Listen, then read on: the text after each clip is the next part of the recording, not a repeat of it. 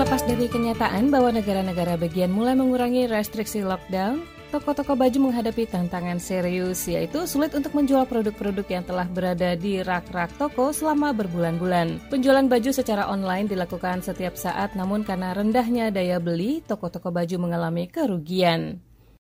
Musim semi tahun 2020 telah terbukti merupakan bencana bagi ratusan toko fashion karena penjualan menurun sebesar 90% persen menurut Reuters. Hasil penjualan online tidak dapat menutupi kerugian tersebut menurut para pakar. Namun beberapa toko kecil menemukan cara yang kreatif untuk tetap unggul dalam bisnis mereka. Melalui aplikasi Zoom, Neil Barrett dari toko Standard and Strange di California menjelaskan, fashion retailer, uh, we hold on to our inventory a lot longer than you know the big chains do because our products are special, exclusive.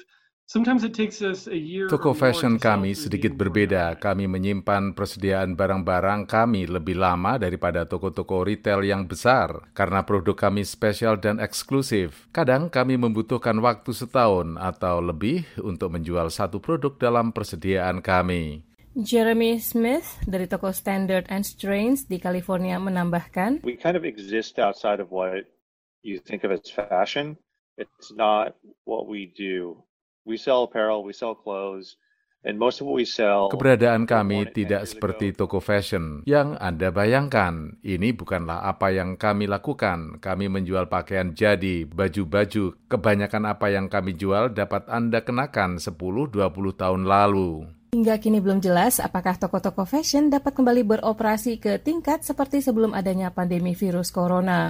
Di negara bagian yang melonggarkan lockdown secara perlahan, toko-toko kembali dibuka setiap hari dengan kapasitas lebih kecil dan pelanggan harus diukur suhu tubuhnya sebelum memasuki toko.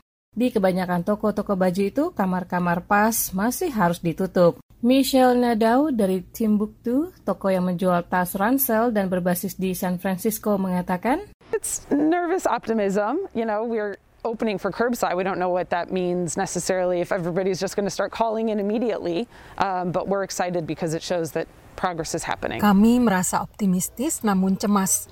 Kami mulai menjual produk di halaman depan toko kami. Kami tidak tahu apa artinya jika setiap orang mulai menelpon toko kami. Namun kami merasa senang karena itu menunjukkan adanya kemajuan. Para pakar mengatakan saat dibuka kembali kebanyakan retail fashion akan mengadakan diskon besar-besaran tidak saja melalui online tapi juga di toko. Demikian laporan tim VOA dari Washington DC.